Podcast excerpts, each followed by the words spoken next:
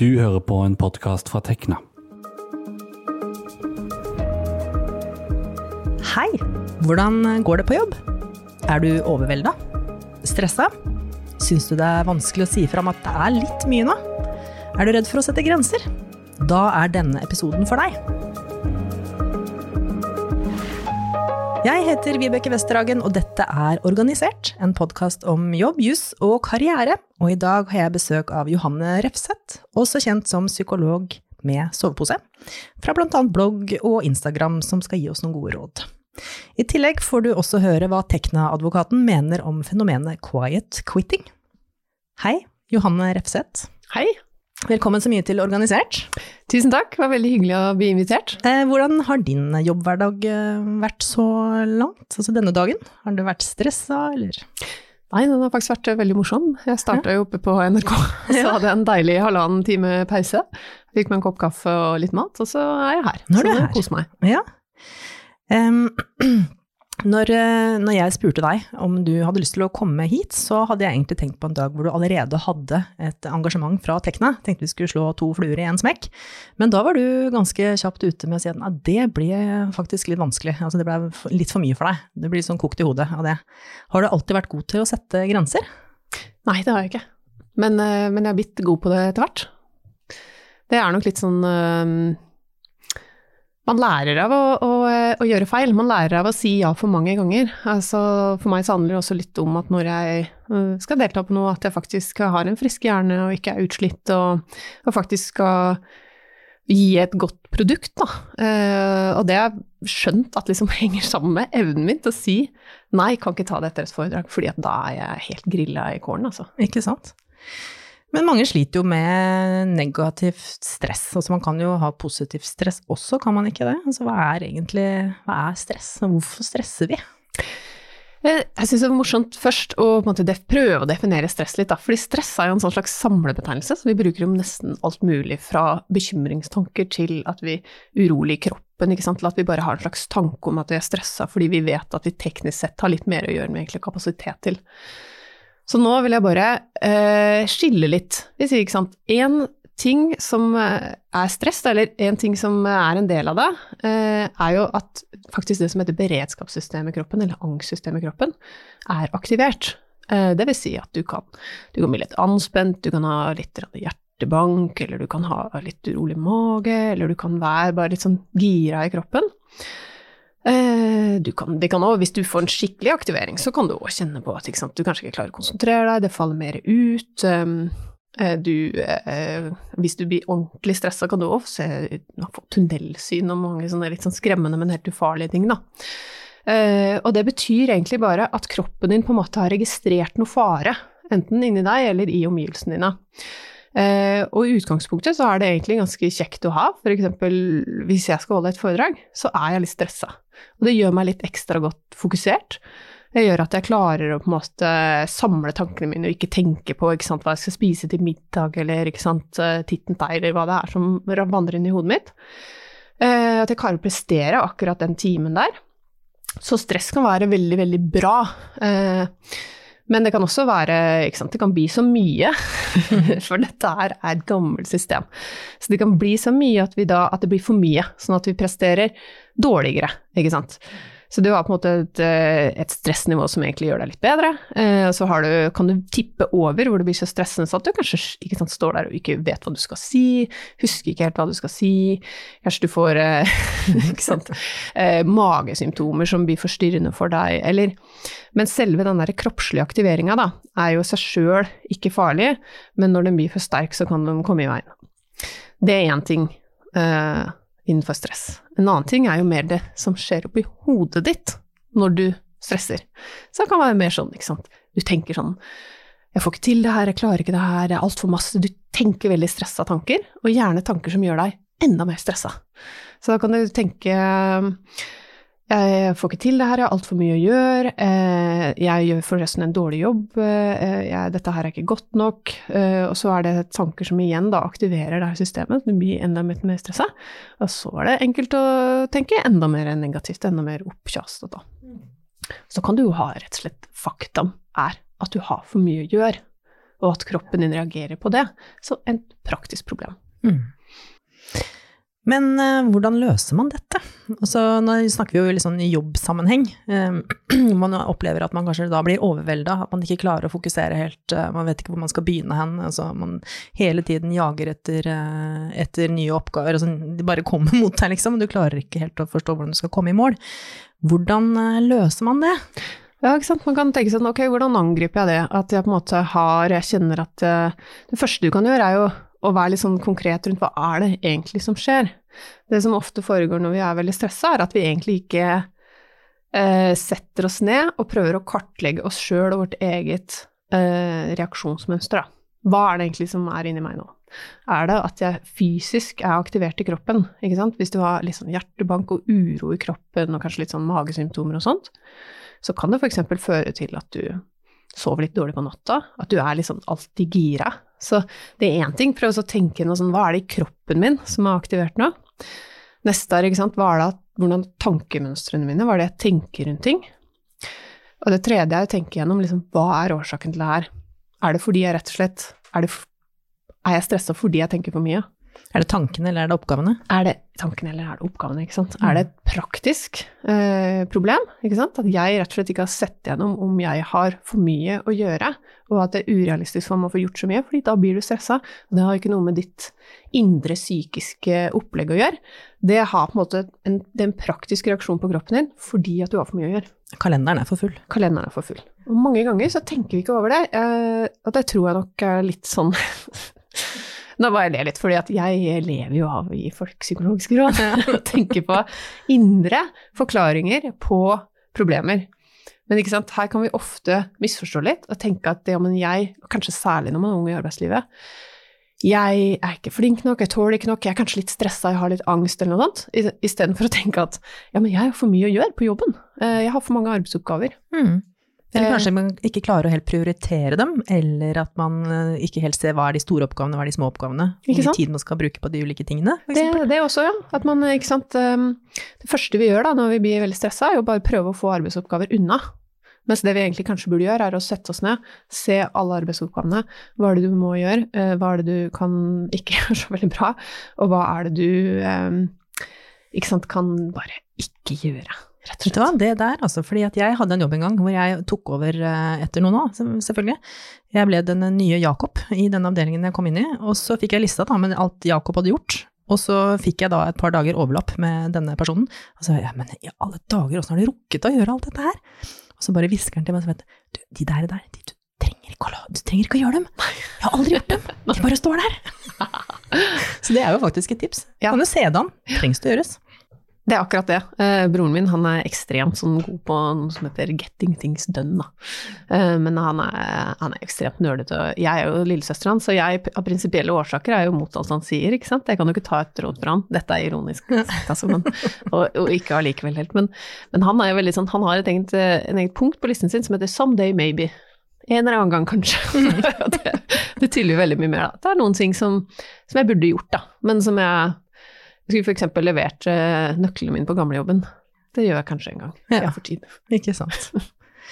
Men altså, noen opplever faktisk, faktisk dette, da. Kanskje når de er ferske i arbeidslivet og ikke helt har eh, den erfaringen eh, som man trenger riktig enda. Hva er det som gjør at det blir så ubehagelig å eventuelt skulle si fra? Hvem, altså, hvis man må ta en prat med sjefen, da, vet du hva, at dette er for mye. Eller det å tørre å si nei, når kanskje mange i organisasjonen kommer med bestillinger til deg som du ikke visste om at er det meningen at jeg skal gjøre det her, liksom? Ja, For eksempel, da. Og så er det jo veldig ubehagelig å skulle være den nei-personen. det er det. For man har jo lyst til å være en ja-person, eller? Det Man har det. Ja. Ja, og det, nå skal jeg da komme med litt en indre psykisk forklaring, da, fordi at det er jo ikke lett å si nei. Og det handler jo, for det første så kan det handle om at i flokken, eh, vi er jo flokkdyr, selv om vi har veldig lyst til å være helt uavhengig av andre, og at vi på en måte, vi, vi bryr oss ikke om hva andre tenker, liksom, og vi kjører vårt eget show, og det er jo litt sånn den tendensen i samfunnet, da. Men at vi er jo helt avhengig av andre mennesker. Altså hvis du tar en liten baby og gir den mat og, og vann, og liksom alt den trenger fysisk, men ikke eh, andre mennesker, så dør den babyen. Så liksom, vi er eh, vesener som måtte eksistere i hverandres eksistens. Så det er klart at, Og det der med å sette grenser er jo noe veldig mange, med mindre de har hatt ikke sant, superbe foreldre og ikke sant, eh, veldig inntuna barnehageansatte og kjempegreie folk på, på ungdomsskolen. Altså, du, kanskje det er en ting du, som du kan få litt negativ Du kan få negativ um, Følelser. respons fra andre. Mm. Og det igjen kan gjøre at du sjøl har litt uro inni der, både i forhold til det kan være sånn bevisst at du kan være litt redd for hvordan du blir møtt, ikke sant, hvis du setter grenser. Det kan også være sånn at eh, du er oppdratt til å være en ja-person, sånn at du egentlig ikke veit helt åssen du setter grenser. At det blir veldig problematisk. Men også ved at du, eh, ikke sant um, eh, Hvis du setter grenser, er en sånn som setter grenser litt for hardt. Altså mange som ikke er så gode til å sette grenser, de venter litt for lenge, og så blir det en veldig sånn 'nå er det nok'-grense. Eh, som forelder så er jeg, jeg er en sånn veldig igjen at det er fort gjort, ikke sant. Hvis du ikke setter grenser på et tidlig tidspunkt, så plutselig så er du sur, ikke sant. Og det, så skjønner ikke datteren min. Mm. Hun er bare sånn helt 'dette kom ut av det Hva skjer nå? Ja. Sånn at du har eh, litt forskjellige ting, og jeg tror mye av det handler om nettopp det at sant, vi prøver å, å passe inn i en flokk og være sosialt likeable, og så vil jeg gjette på at mange også eh, Vi får mange arbeidsoppgaver de kanskje syns er morsomme, ikke sant? ting de har lyst til å gjøre, um, uten å kanskje tenke på eh, at, eh, at jeg må ha tid til det også. Hvis ikke så blir det ikke morsomt. Men hvordan uh, gjør man dette på en god måte nå? Du var litt sånn inne på det, at det er liksom uh, det å si fra litt tidlig. Mm. Uh, og og så finne en tone, kanskje, som da ikke er så skarp, eller Altså, hvordan gjør man det på en sånn sunn, god måte? Ja, for nå kan vi gå litt sånn praktisk til verk. ikke sant? La oss si du har for mange arbeidsoppgaver på jobb, eller ikke sant, du har fått fire prosjekter, altså det er helt urealistisk at du får gjort. Eh, Jeg tror det, det viktigste er jo at du, på en måte, du har en liten sånn Du må på en måte sjekke litt med deg sjøl innimellom. Pass på at du ikke på en måte bruker all tida di på jobb på bare å jobbe, men at du også tenker litt over sant, hvordan har jeg det nå, hvorfor har jeg det sånn, og på en måte kartlegge hvis du veit at du har for mye å gjøre, at du sånn setter deg ned og får oversikt og overblikk over det, finner ut hva det er. Og så, når du veit at ja, men dette prosjektet, det kan jeg ikke, eller disse arbeidsoppgavene blir for mye, så ta, prøv å være veldig sånn ryddig. Gå til en leder eller øh, Jeg ville gå til nærmeste leder eller øh, teamansvarlig eller sånne ting, og så, og så vær konkret og sette opp liksom Ja, men jeg, jeg har 20 jeg har 24 timer i døgnet. Mm. Jeg skal gjøre sånn, jeg bør helst sove noen av de. Eh, så, ikke sant, at dette her blir, eh, blir for mye. Så jeg ville være, forberedt meg litt, eller vært konkret, holde meg rolig. Og så er det litt sånn, vær litt obs på hva du forventer av den andre i forkant. Eh, ofte så blir vi redd for at den andre skal reagere negativt, og så kan vi kanskje kjøre det litt opp i hodet vårt.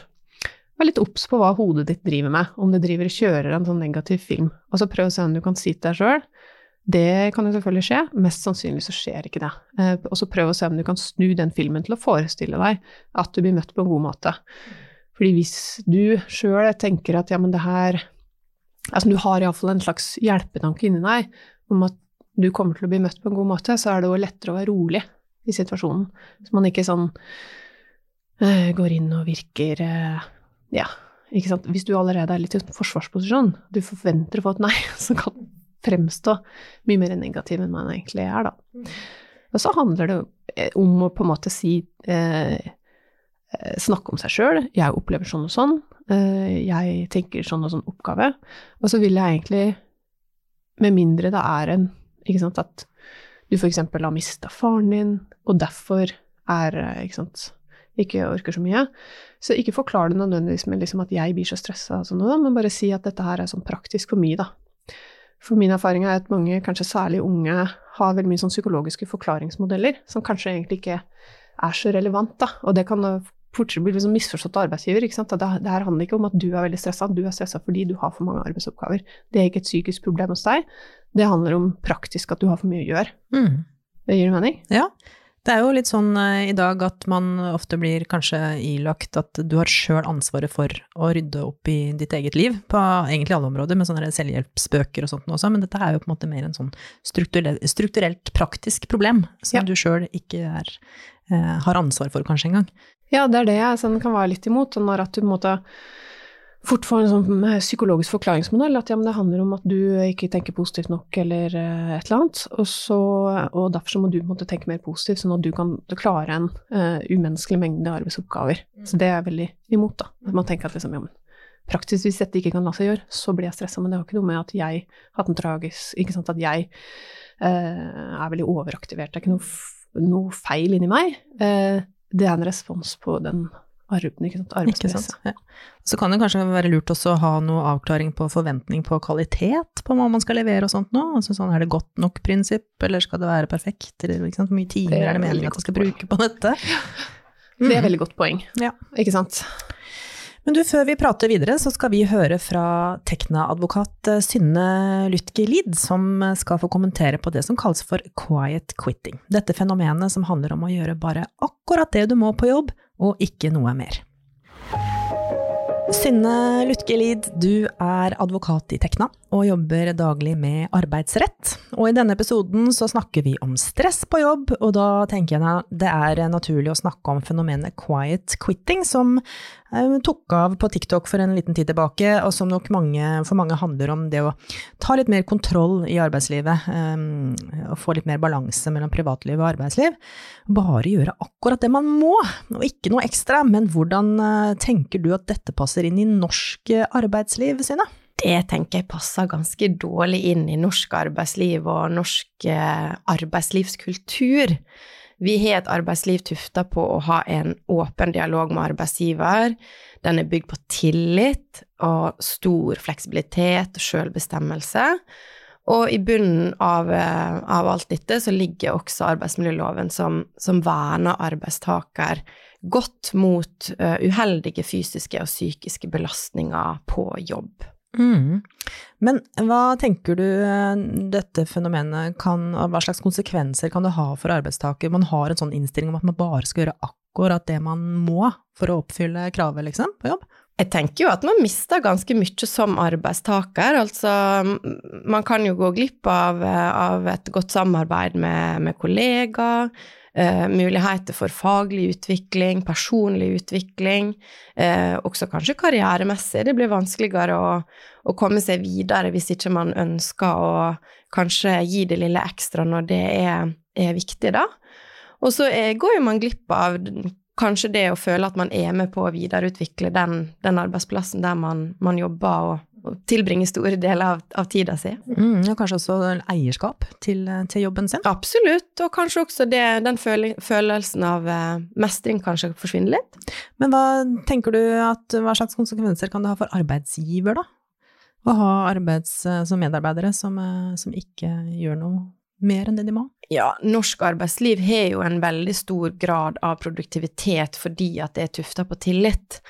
Og klart synker produktiviteten, så kan jo det bli mer uforutsigbart og, og, og krevende å, vite hvordan skal man håndtere toppene når, når de kommer. Så det er jo um, også en utfordring for arbeidsgiver hvis folk kaster seg på denne trenden, helt klart. Mm. Er det noe i lovverket som, eh, i Norge som sikrer denne balansen mellom arbeidsliv og privatliv på en litt annen måte enn de kanskje gjør i, i USA, da, eksempel? Ja, og eh, det er klart, jeg nevnte arbeidsmiljøloven. Der er det eh, gode regler og vern knytta til lengde på arbeidsdager, arbeidsveker, hvor mye overtid kan du jobbe i løpet av en dag, ei uke, en måned og ikke minst et år. Så det er veldig mange eh, maksbegrensninger som er satt for å verne arbeidstaker. Og det er, det er en viktig side av, av norsk arbeidsliv. Og i tillegg så er man faktisk forplikta, også som arbeidstaker, til å ta ut ferie årlig. Og det er nok kanskje ikke tilfellet i de landene der denne trenden har blitt veldig stor. Det kommer kanskje både fra Asia og USA, og der vet vi jo at arbeidstakerne er i mye mindre grad verna mot uh, stor belastning på, på arbeidsplassen uh, i de, de type land, da. Ja. Eh, er det noe annet rundt dette her eh, som du tenker at eh, vi i Norge bør eh, være oppmerksom på, før vi hiver oss på denne trenden? Altså, jeg tror man skal være klar over hvor, hvor stor fleksibilitet det egentlig er lagt opp til i, i det norske arbeidslivet, og mulighetene som finnes i regelverket. Veldig mange av, av norske arbeidstakere har jo rett til fleksibel arbeidstid. Sant? Man kan kunne ta avspasering i rolige perioder og jobbe litt mer når det er hektisk. Og, og, i tillegg så er jo det faktisk slik at nå kommer det, er det på trappene i EU-systemet et eget direktiv knytta til the right to disconnect. eh, som skal sikre at arbeidstakere som f.eks. får sendt e-post fra arbeidsgiver etter normal arbeidstid, skal slippe å svare. Og det er jo også med på å, å sikre en, en god balanse i, eh, eh, i jobb og fritid, da. Så det er nok noe som også vil gjøre seg gjeldende i Norge etter hvert. Så jeg tror nok vi har det egentlig ganske bra. Tusen takk for den kommentaren, Synne Lutkelid, eh, arbeidslivsadvokat i Tekna. Eh, Johanne Refseth, eh, du sitter her i Organisert, og vi snakker om eh, stress, om grensesetting i denne episoden. Litt mer om hvordan vi kan stresse mindre. Hjelper det å planlegge mer, tror du? Jeg tror det hjelper å få overblikk ikke sant? på, hvor, på sånn som vi snakka om nå i stad, rundt arbeidsoppgaver og sånt. Og så finne ut hva er det som er noe ytre, og hva er det som er noe indre. Eh, så hvis du skal um, stresse ned, så handler det om måte, å lage deg et liv som er på en måte levelig, da. Ikke sant? Og pass på å prioritere. Det, det, er faktisk helt ok å prioritere sånne ting som trening og ligge og se Netflix og ikke sant, gå tur, eller hva du nå ikke sant, spille um, game, eller hva det er nå du slapper av med, da. Fordi at uh, rett og slett at hjernen din trenger det også. Mm. Det er ikke alltid så lett å prioritere inn. Mm. Hva stresser du ned med? Du er mye ute? Jeg, altså jeg, er egentlig kjempestreng på disse tingene. Eh, det er veldig mange som sier til meg at liksom, ja, du jobber så masse, du må jo være liksom Du er helt overmenneske. Det fakta er at jeg, når klokka er fire, da er jeg ferdig på jobb. Og da eh, Jeg svarer ikke på mailer og driver ikke på eh, da utover da. Nå har jeg jo en Instagram-konto, så det hender seg jeg sitter og poster noen her. Men det, jeg er veldig eh, nøye på det, og i helgene så jobber jeg ikke. Så eh, det som jeg kan bli ekstremt stressa av, det er at jeg aldri får fri, og at det er eh, diffuse linjer mellom jobb og fritid. Og særlig også på, som psykolog, da. Og det tenker jeg særlig at mange unge kan eh, ikke sant, Det der at du skal være tilgjengelig hele tiden. Hvis du får en mail, hvis noen sender meg en mail klokka halv ni, så er jeg bare sånn Ja, det får du vente med den i morgen. Ja. og jeg kan jeg, altså, jeg syns at det noen ikke sant, At vi burde ha en kultur på å la folk være i fred. Fordi at du eh, det er sånn at du kan prestere mye bedre på jobb hvis at du faktisk har fri når du har fri. Og hvis du tar deg fri, ikke sant, du drar hjem fra jobb klokka fire eller fem, eller når det er du drar hjem, da og så har du fri to timer, men så må du sant, svare på alle de her mailene. Eller så leser du mailene og tenker det burde jeg svart på, men så gjør du ikke allikevel. Så tar du vekk noe av den uh, ikke sant, avkoblinga, for den avkoblinga er også viktig at det er litt sammenhengende. Altså at det liksom er At du ikke sånn hele tiden blir forstyrra, eller Så liksom Jeg er veldig for å skru av, skru av notifications. Få ikke ha jobbmail altså Det kommer selvfølgelig an på bransjen, men så kan ikke drive svar på jobbmail utover kvelden bare fordi det er en kort ting, eller legg det bort. Mm. Logg deg av. Hva, hva, tenker du om eh, hjemmekontor? Har det noe med denne problemstillingen å gjøre, tror du? Ja, ja, det har absolutt det. fordi at problem med hjemmekontor er at eh, det blurrer enda mer de her linjene mellom jobb og fritid. Noen de håndterer det kjempebra. ikke sant? De tar og logger av, og så bare pakker de ned hele greia, og så, og så er de ferdige. Mens at andre de blir gående litt frem og tilbake. Eller de kanskje ikke gjør det, men oppi hodet sitt så klarer de allikevel ikke å på en måte lage en sånn veldig tydelig linje der.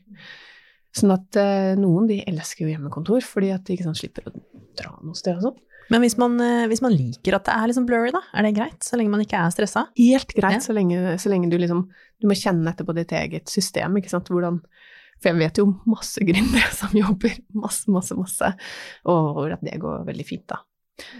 Jeg gikk jo litt på en smell når jeg var sånn 21-22 år. Så hadde jeg litt sånn, ut, sånn, litt sånn semi-utbrøtthetssymptomer, eller jeg hadde vel ikke det, men sånn i Grenseland? Jeg var veldig sliten, da, eh, etter å ha vært musiker i eh, ja. mange år. Mm -hmm. Så da lærte jeg at jeg må gjøre disse tingene. Ja. For du spilte trompet? Jeg spilte trompet, ja. Jeg har en bachelorgrad i orkestertrompet. Ja. Veldig spennende. Ja, og det er litt sånn, det kan du gjøre hele tiden, ikke sant. Du kan alltid, burde, burde alltid ha øvd litt. Du har aldri en dag fri, ikke sant. Du har aldri ferie.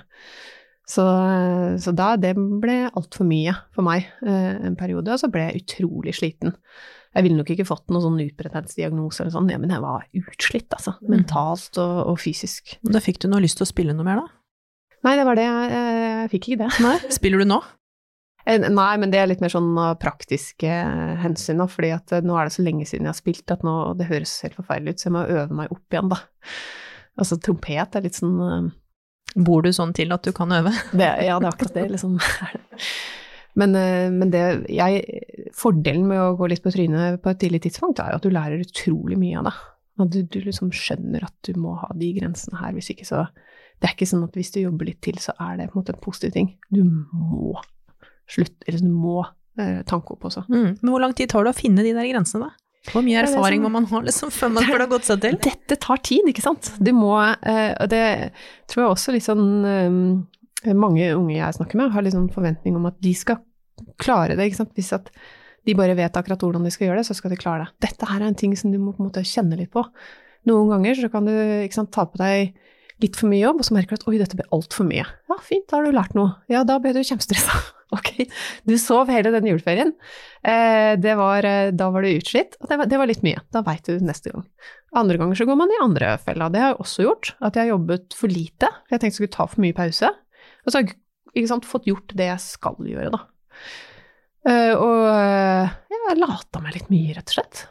Og det Så det, du må liksom finne den linja hos deg sjøl, hva du tåler, Liksom. For alle tåler slitt. Det er ikke noe farlig å være litt stressa over en periode, men at det liksom, sant, det er når du begynner å kjenne på eksempel at du begynner å kjenne litt sånn likegyldighet, litt sånn semidepresjonssymptomer, at du kanskje tenker litt negativt, at du kjenner at du får sove dårlig på natta. Eh, at du ikke kjenner den samme gleden ved arbeidet som du har gjort tidligere. Eh, du får mye, altså selv, mye sånn selvkritikk og negativ selvprat, så er litt sånn faresymptomer.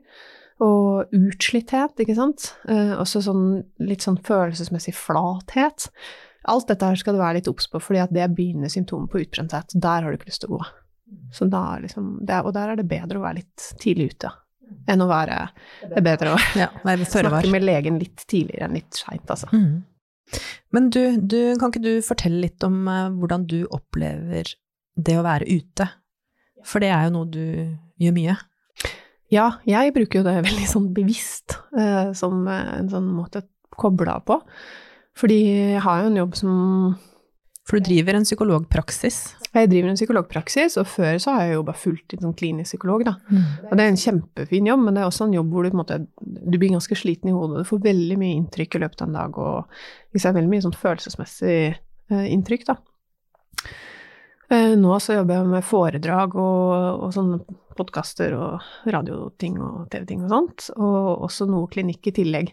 Men jeg vil si at kanskje klinikken er mer eh, sånn følelsesmessig heavy, da. Men det som, det som jeg gjør, er jo at når jeg er ute, så må jeg på en måte overnatte.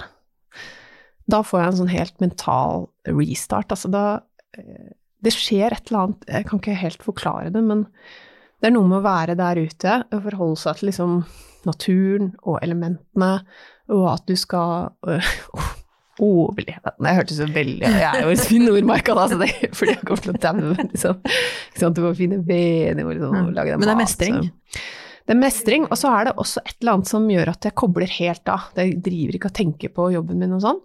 Og det trenger jeg. Den derre eh, fra, altså en helt sånn pause fra jobben. Og det tror jeg er litt sånn problem med smarttelefonen i dag, at så mye som jeg ikke har lyst til å svare på mailer og sånn, så får du utrolig mye inntrykk eh, hele tida.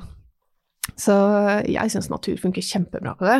Eh, før jeg begynte med det, så drev jeg mye med crossfit, og da hadde jeg sånn greie at jeg måtte trene ekstremt hardt, fordi på et tidspunkt så slutter jeg å tenke.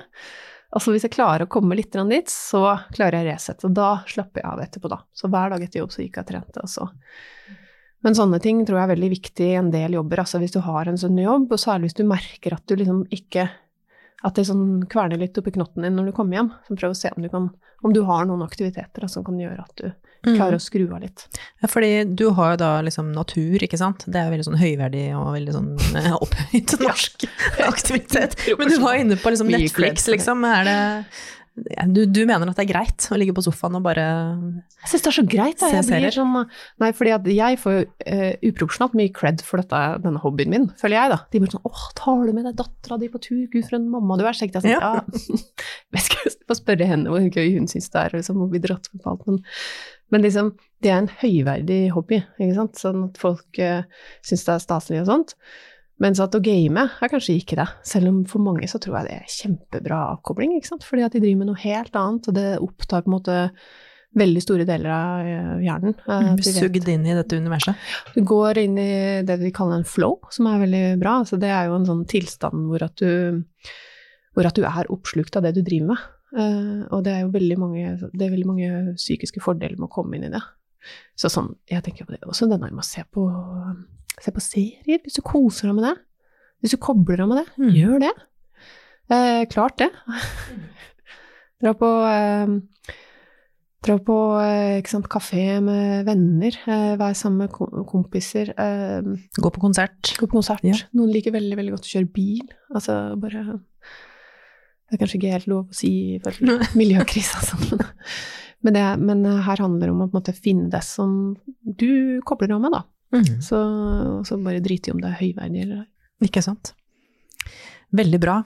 Og utrolig koselig å ha deg med, Johanne. Er kjempehyggelig å få bli bedt med. Ja. Det var veldig moro å prate om dette her. Ja. Um, ja, da har vi fått litt, uh, litt psykologperspektiver på det her, og hvordan vi kan stresse ned, og det å sette noen rammer liksom rundt seg sjøl for å ivareta sin egen arbeidssituasjon. Eh, noe som ikke alltid er så lett. Og til deg som lytter, så vil vi veldig gjerne høre fra deg. Og så har du kommentarer til det du nettopp har hørt, eller bare har lyst til å si hei, så er du velkommen til å sende oss en hilsen, og det gjør du til podkast.krøllalfatekna.no. Og så ønsker jeg dere alle en riktig god arbeidsdag. Tusen takk for at du hørte på.